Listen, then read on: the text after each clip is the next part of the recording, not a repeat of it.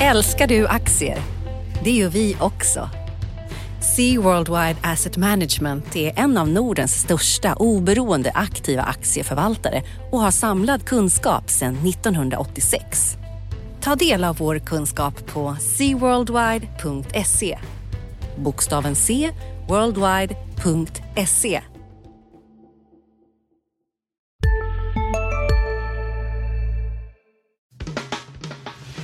Analyspodden från Dagens Industri.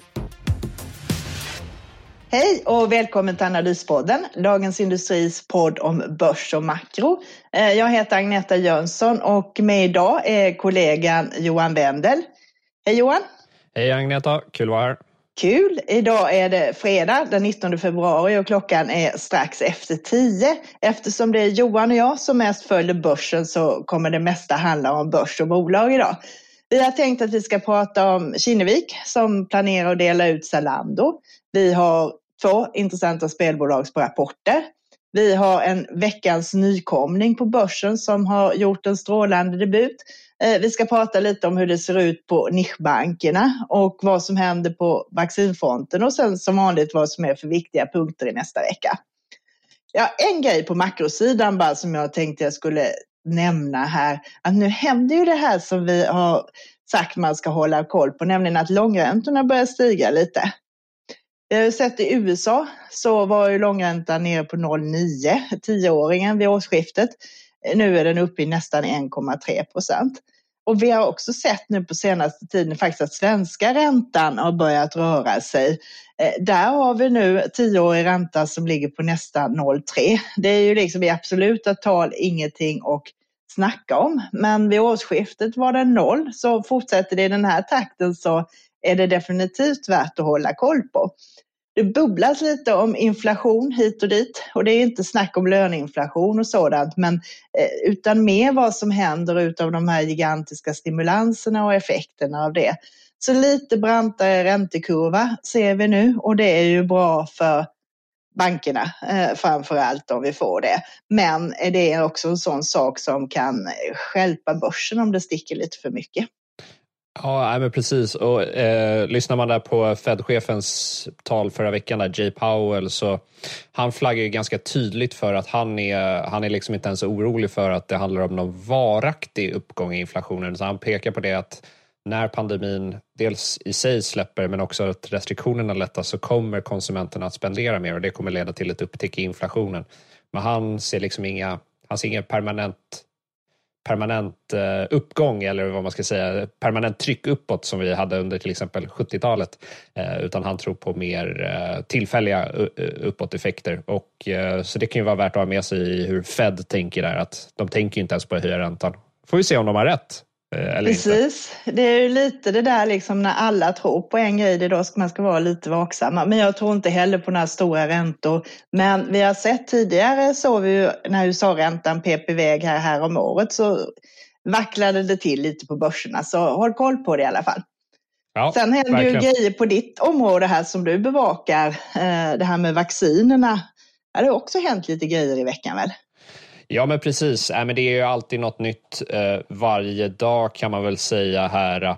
Eh, nu under veckan har vi fått en sån här eh, i EU då, eh, vad som kallas för en eh, eh, ansökan om marknadsgodkännande eller tillfälligt marknadsgodkännande från Janssen, det vill säga Johnson Johnson, eh, om eh, deras vaccin.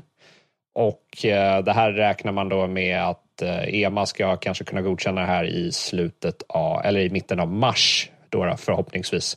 Så att det blir då förhoppningsvis ytterligare ett vaccin på marknaden. Vi, har ju, vi kan ju bara titta här i Sverige. Vi är på intet sätt unika med att ha ont om vaccin och det där förhoppningen är ju att liksom april, maj där att det kommer ut mer vaccin på marknaden.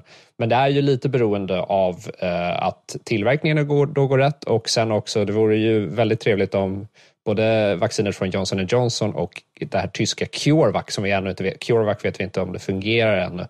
Eh, om det kommer ut. Men sen så tecknade EU också ett tilläggsavtal med Moderna så att vi ska få eh, 150 miljoner doser till här under 2020. Men det, just nu har vi en kortsiktig brist på vaccin i, i EU här och eh, kommer vara så ett par månader till minst. Tyvärr. Vi håller tummarna att de här nya kickar in och blir godkända rätt snabbt då. Ja, men som eh, vår kollega Viktor Munkhammar visade i en artikel i eh, dagens tidning då, som kom här på fredagen att han kallar det för alla raggarkalkylers moder. Eh, men man skulle kunna hävda att om man utgår från Riksbankens beräkningar för Sverige så kostar det här varje månad som EU vaccineringen försenas i EU så är det en kostnad på ungefär 600 miljarder kronor. Så det är inte småpotatis. Det är inte småpotatis. Sen, sunt förnuft säger också att det finns en, liksom en ackumulerande effekt. Att ju längre saker och ting stängs ner desto jobbigare blir det att få tillbaka det normala igen. Absolut, absolut. Så att vi, vi håller tummarna helt enkelt. Vi håller tummarna eh, och hoppas på en spruta eh, någon gång i sommar. och till dess så rullar ju börsen på. Vi fick ju nytt all time high på OMXS30 denna veckan i tisdags på 2044 och eh, index är upp 8% i år så att det är ju inte så tokigt. Och veckan startade ju med en intressant bolagsnyhet. Eh, Kinnevik berättar ju att de ska dela ut sitt innehav i Zalando Eh, det motsvarar ju ungefär 200 kronor per aktie, det vill säga nästan halva värdet på Kinneviks aktien. Och de gör det genom att dela ut aktierna direkt till aktieägarna. Och på det sättet så halverar du liksom storleken på Kinnevik, men strategiskt kommer det bli ett bolag som till större delen består av de här onoterade tillväxtbolagen plus eh, Tele2. Så du kommer ha 67 procent med lite mindre tilläggsbolag och 33 procent med eh, Tele2 då.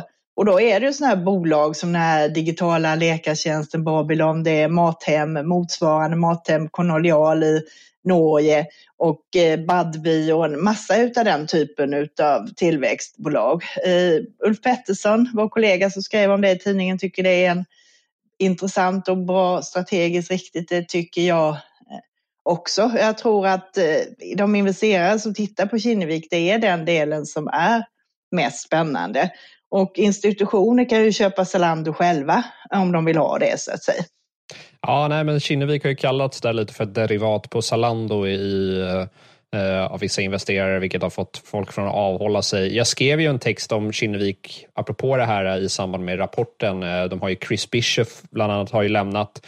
De har ju också eh, tappat sin ordförande och sin vice ordförande Kinnevik här. Alltså det, det är också lite intressant. Eh, man ångrar, jag trodde faktiskt att de skulle sälja i GFG, eh, Global Fashion Group, då, mm. eller Teladoc och eh, kanske även lite till försäljningar i Zalando.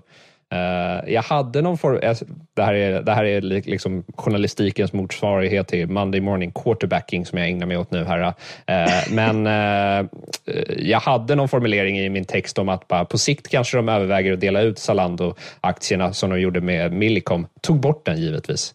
Dum som man är. Alltså otur, annars hade du varit orakel här. Ja, nej, men jag, jag trodde faktiskt att de de inte skulle göra, vara så här dramatiska. För så snack, vdn där, Georgi Ganov, han snackade om en mer dynamisk portföljallokering i samband med rapporten. Och då tänker man bara, okej, okay, det betyder att de ska sälja i, när de får tillfälle i aktier som har rusat och ha pengar till investeringar eh, i onoterade bolag. Men det här blev lite mer dramatiskt eh, får man säga. Det blir lite mer dramatiskt. De la ju om det där just det här med dynamiska allokeringen. Det här gjorde de ju häromåret när de hade kapitalmarknadsdag. Och då slopade de det här också med utdelningspolicy. Utan de kommer att dela ut och göra grejer när det är läge så att säga.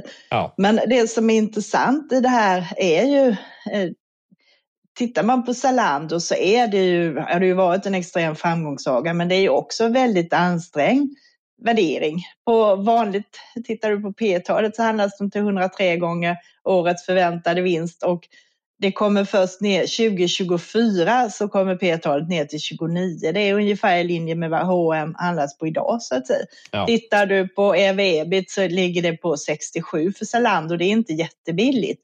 Så att det finns mycket förväntningar i det här. Även om de har haft liksom en snitttillväxt på försäljningen på 28 procent senaste fem åren och lite bättre till och med på rörelseresultatet. Så vet vi att vi såg ju här om året också att vi hade en rejäl dipp och det kan komma igen. Så att eh, jag tycker det är klokt att man gör det här. Ja. Men sen kan man också dra paralleller. Det är faktiskt samma grej som med Nordea och Sampo. Det är ungefär lika stora ägarandelar. Sampo äger 16 procent utav Nordea. Eh, Eh, Eh, Kinnevik äger 21 procent utav eh, Zalando. Det är stora poster som påverkar aktierna mycket och i Nordea och Sampo har det ju varit ett himla halabaloo om det här, vilket överhäng det är och hur det trycker aktien och så här. Så på det sättet är det bra liksom att eh, Kinnevik rycker plåstret för annars är det risk, hade de sålt lite, delat ut lite så hade de haft det här lite som en våt filt över sig. Ja, nej men precis. Och sen tycker jag vi kan avsluta lite med att vara, vi kan vara lite generösa och skicka en eloge till eh, Kinneviks vd Georgi Ganev där. Alltså när man gör en sån här grej, dels delar ut aktierna i Millicom och delar ut också aktierna i Zalando. Då är man inte liksom någon eh, som bryr sig om att bygga ett imperium bara för imperiets skull lite, utan man prioriterar kanske aktieägarvärde först. Och det är någonting man ska kreddas för. Ja, eller hur? Eh, det är värdeskapande istället för maktposition. Det är väl ett, en sund inställning till det hela. Ja, gudarna ska veta att det är inte alla vd som har den inställningen på börsen. Det är inte alla som har det. Och eh, vill man höra mer om det här så kan vi tipsa om att de faktiskt kommer hålla en digital kap kapitalmarknadsdag på onsdag nästa vecka den 24. Så eh, vill man fördjupa sig mer i hur Kinnevik resonerar och deras strategi så är det bara in och lyssna där. Ja, och vi kommer givetvis bevaka den också såklart. Precis. Sen har vi ju också två av dina bolag, Embracer och Stillfront, rapporterade i veckan. Eh, vad har du berättat om läget där? Nej, men eh, det är lite skilda världar skulle jag ändå påstå där. Jag är lite, lite, man blir lite orolig för Stillfront ändå, eh, tycker jag, när man ser utvecklingen som de har nu här.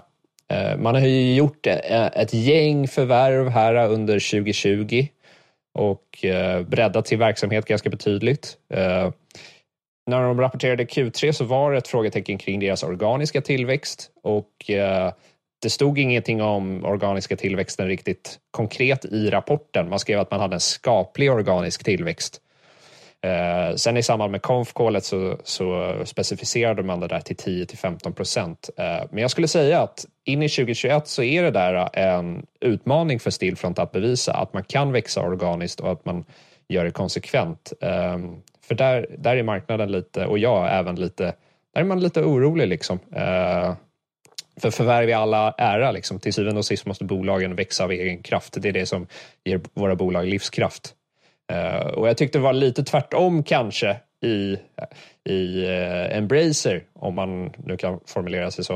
Uh, att de hade ett, ett kvartal här, oktober till december, där de inte hade så mycket nya releaser, alltså spelsläpp och så vidare, som ofta driver tillväxten då för de här bolagen, utan där var det den befintliga spelkatalogen som gjorde de tunga lyften för Embracer och ändå så levererade de en organisk tillväxt på 21 procent. Uh, och det där tycker jag är ett styrketecken och, och Embracer guidar ju lite för att Q1 också, eller det är inte deras Q1, men det fjärde kvartalet i deras verksamhetsår som blir Q1, det vill säga Q1 i kalenderåret, att det kommer vara lite också mjukt på grund av uh, man har inte så många lanseringar som man tänkt och man har skjutit upp bland annat ett spel som heter Biomutant till maj. Men man betonar mer och mer att man, man laddar för ett riktigt bra nästa verksamhetsår och då får man leverera på det. Och ja, jag tyckte att det var rimligt som Embraces vd Lars Wingefors skrev i vd-ordet. Det var ett, ännu ett stabilt kvartal och eh, ja, det är det. Ja. Men det går, det går inte att komma ifrån att de har ju ett uh, börsvärde nu långt över 100 miljarder kronor. Det är liksom ingen hemlighet att uh, med en sån värdering, det gäller att de levererar kvartal efter kvartal. Uh, annars kan det bli skoningslös reaktion. Så är det ju bara. Så är det ju, men jag menar ändå det här med att gå mot ökad transparens och berätta så mycket man kan och sånt det är ju sånt som ska lovord. Alltså det ryktades lite om listbyten där också, att de ska in i börsens finrum nu. Ja, men precis. Eh, de är ju listade då på First North för närvarande som då klassas som en oreglerad marknad och de skriver då här i rapporten att de ska flytta till en reglerad marknad och dels byta till IFRS då från K3. Och eh, det där beräknar man ta ungefär 18 till 36 månader och då är frågan liksom med reglerad marknad, då bör de ju mena eh, Stockholmsbörsens large cap-lista då. då. Eh, men, och han, Lars Wingefors under, eh, i en intervju här med DTV då på torsdagsmorgonen sa han att det är huvudalternativet. Men man fick lite intrycket av att han, liksom, han förhandlade i livesändning. och, och var liksom, ja men det är ju dyrt med att lista sig på Nasdaq och huvudlistan är mycket, många miljoner och så vidare. Eh, så jag vet inte om det har att göra med att han liksom vill, det var bara att han ville få ner priset eller om man faktiskt tittar på att lista sig då i USA, för det skulle ju då vara alternativet. Det kan ju vara ett vettigt alternativ för dem eh, i och med att det är den typen av bolag också så blir det ju mer uppmärksamhet. Ja, jag vet inte om man, och jag har inte hunnit gräva djupare i det här för jag har lite andra grejer att göra. Jag vet inte om man kikar på liksom om man kan tänka sig en lösning med parallellnoteringar i Nasdaq i New York och Nasdaq här i Stockholm. Nu släpper vi en ny podd. Expressen Dock. Einar han går in i fel gård, förstår du? Och sen där, en annan skytt jag tror kommer emot honom och, och fortsätter skjuta. Lyssna på premiäravsnittet. Mordet på Einar, det sista vittnet. Med mig, krimreporter Nina Svanberg. Hon började skrika på mig. Backa hon började säga. Så vad, vad hände? Så hon bara, han är död. Så vad säger du för något? Så hon började skrika, han är död. Så jag sköt honom nu 21 meter. Lyssna i appen eller där poddar finns. Sista dagarna nu på vårens stora season sale. Passa på att göra sommarfint hemma, både inne och ute. Och fynda till fantastiska priser.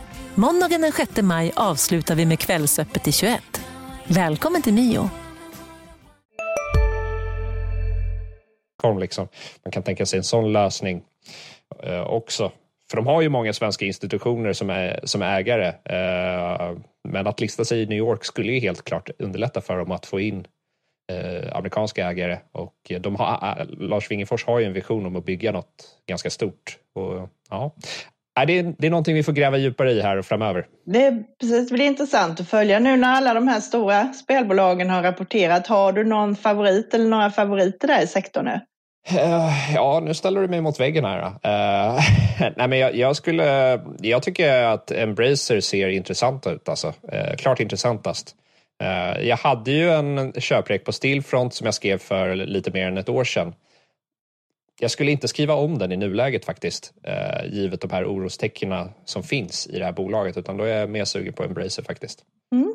Vi följer och noterar intresset här. Eh, vi fick ett nytt bolag på börsen idag, Sint, som jobbar med såna digitala marknadsundersökningar där Nordic Capital Eh, storägare. De kom in på börsen med buller och bång här och övertecknades kraftigt eh, på det här högsta kursen i intervallet som landade på 72 kronor. Och de började handlas, de var högst upp i 92,50 och nu ligger de runt 86 kronor så det är en 20 procent upp här. Där skrev ju kollegan Lars Pettersson, eller vad säger Lars, Ulf Pettersson naturligtvis om Eh, nu var jag inne på Vingefors och det blir många att hålla reda på här. Men eh, Ulf skrev det här att man ska teckna och eh, sälja för att det finns en peng att hämta kortsiktigt. Och det ligger väl en hel del i det. Man kommer inte ifrån att där är ju också en stretchad värdering även om de växer snabbt. Deras del av marknaden växer med mer än 20 procent och de har också som mål att själva växa 20 procent per år och ha en ebitda-marginal på 20 procent. Förra året växte de med 37 procent och en marginal på strax under 17. Men på det här börsvärdet det såldes ut på då 10 miljarder, nu är det ytterligare lite större då, nu är det väl 12 nästan, så får du en, värderar de ju eh, till 10 gånger fjolårets omsättning och eh, du får ett P-tal som ligger liksom på över 300 eller eh, motsvarande 150 gånger fjolårets rörelsevinst. Så där är det också en hel del att leva upp till om man säger så. Ja, jag tycker att du sammanfattar det väl. Det är en del att leva upp till. Får se om de gör det. Ja, eh, vi ser ju en hel del sådana bolag och det har vi ju sett nu ett tag att det här med tillväxt premieras ju verkligen. Och särskilt tillväxt och e-handel i kombination har ju varit en väldigt bra mix där också.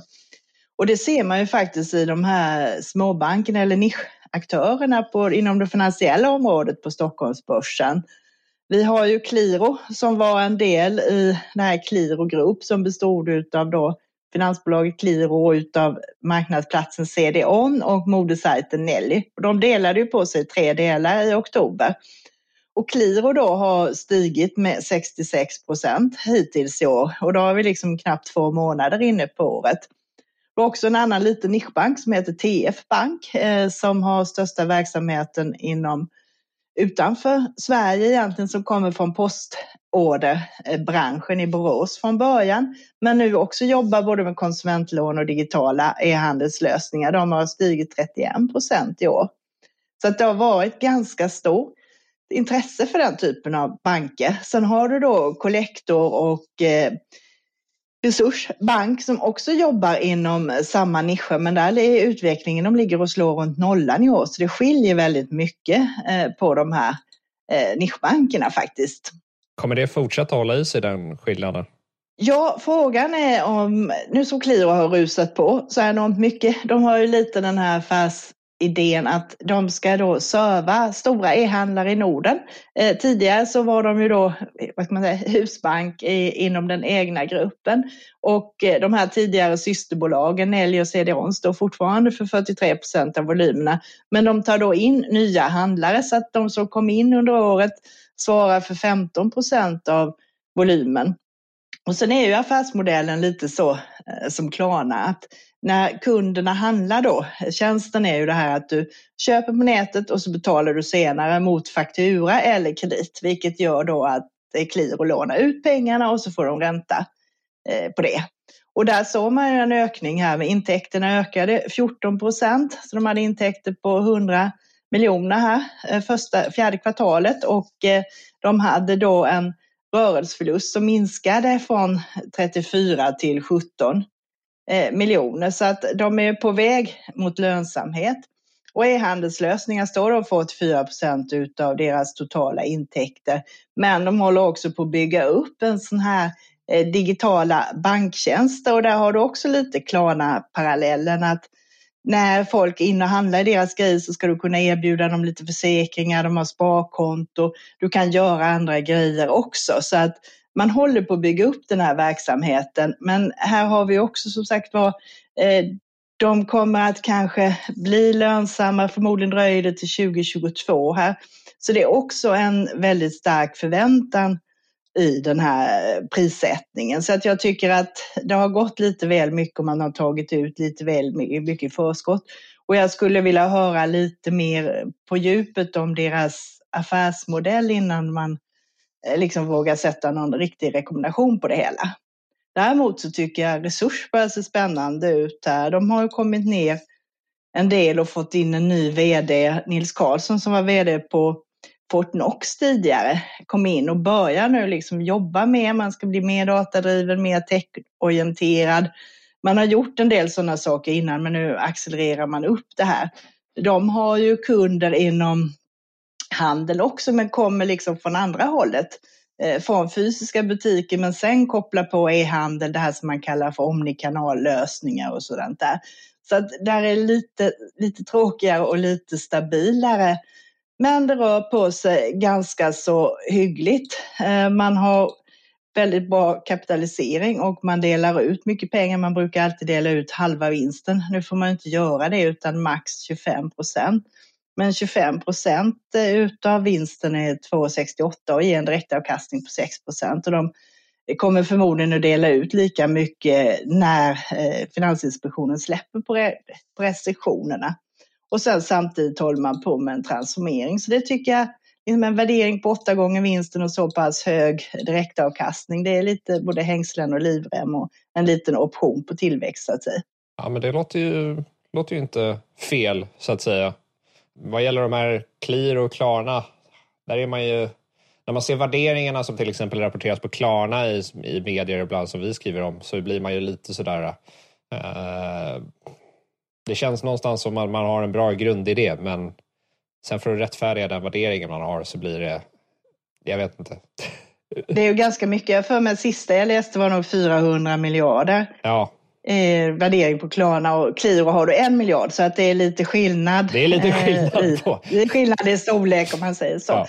Sen är det ju, jag menar Klarna är ju utomlands också. De har ju haft tufft på den amerikanska marknaden där du inte har samma liksom, tillgång till kredituppgifter och sådant och samma system som vi har här. Så där hade de ju lite tufft ett tag med ökade kreditförluster och sådant. Absolut. Det skulle naturligtvis vara superspännande om Klarna kom till börsen. Det vore ju en riktigt rolig IPO att kolla på. absolut. Det känns lite dags nu. Nu har vi väntat länge nog. Det vore någonting att önska så här lagom till semestrarna kanske, att få läsa ett riktigt maffigt eh, Klarna-prospekt i hängmattan här. ja, härligt. Vad borde vi mer snacka om idag?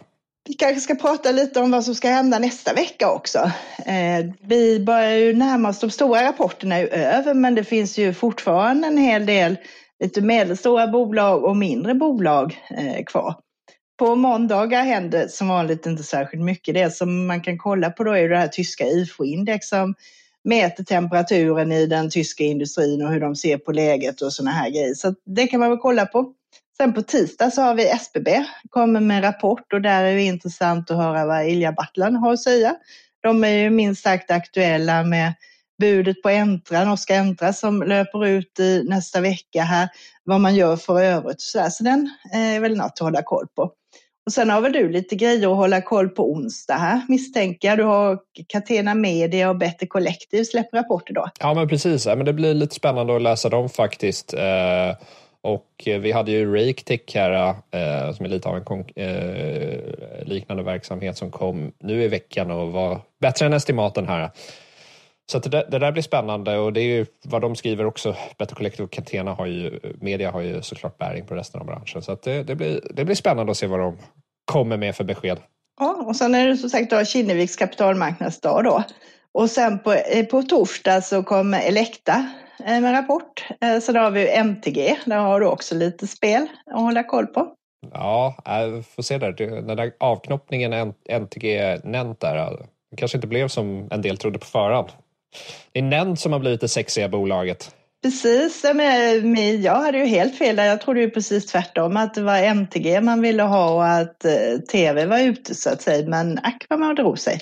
Nej, men det, det där är ju värt att gräva mer i. Men eh, ja, nej, vi hade ju, vi, DI, vi hade ju tur där med en, eller skrev, jag skrev en köprek på Nentare där i, var det nu ett par år sedan snart här. Så har man hållit i den så har man ju gjort en bra affär här. Men nu, man blir lite, nu med USA-satsningen här, vad, vad, de, vad de tänker där. Uh, får vi gräva mer i.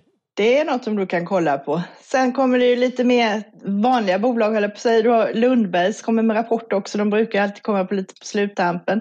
Det brukar vara en av få tillfällen där Fredrik Lundberg brukar vara tillgänglig för intervjuer. Så då får vi se om någon pratar med honom om vad han har att berätta. Det har ju varit lite tufft, eh, om inte annat i deras stora innehav huvudstaden har ju haft det lite motigt nu.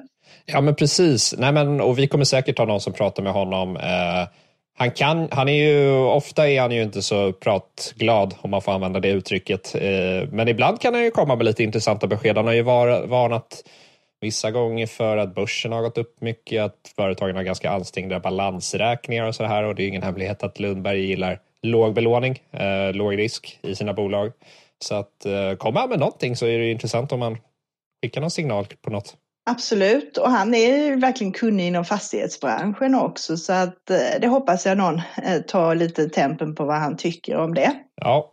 Och har man ingenting annat att göra på onsdag så kommer också på eftermiddagen kommer det vara Mekonomen att hålla kapitalmarknadsdag. Eh, den är också digital så att där kan man också lyssna på deras sajt om man känner för det. Ja, ja men precis.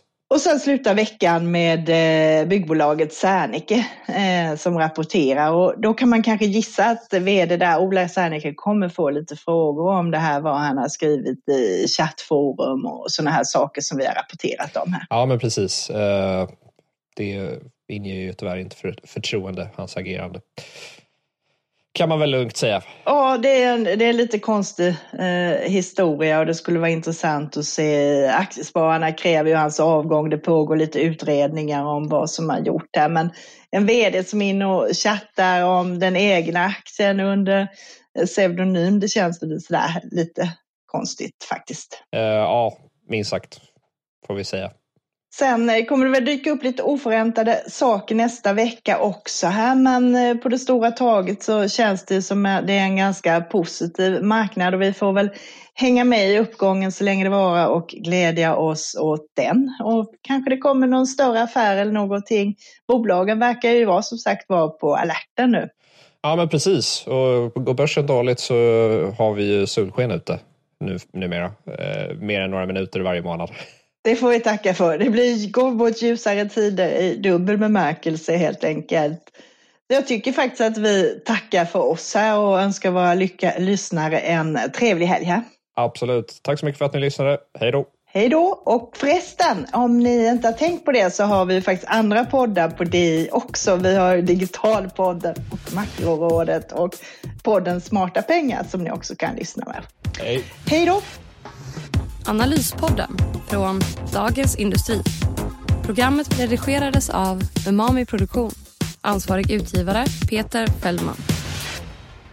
I DTVs program Hållbart näringsliv fokuserar vi på företagens E, S och G. Vilka är utmaningarna och vilka är lösningarna? Hör storbolagen om omställningen, entreprenörerna om de nya möjligheterna och dessutom tipsar förvaltare om sina bästa hållbara aktiecase. Missa inte Hållbart näringsliv med mig, Nike Mekibes, varannan onsdag på DITV och på di.se. Varje vardag klockan sju uppdaterar DITVs Morgonkoll dig om natten och morgonens viktigaste nyheter. Från börsstängningen i New York till läget i den asiatiska handeln. Och strax därefter kommer podden med samma namn. Prenumerera på Morgonkoll du också så är du uppdaterad inför varje ny arbetsdag. Morgonkoll finns där andra poddar finns.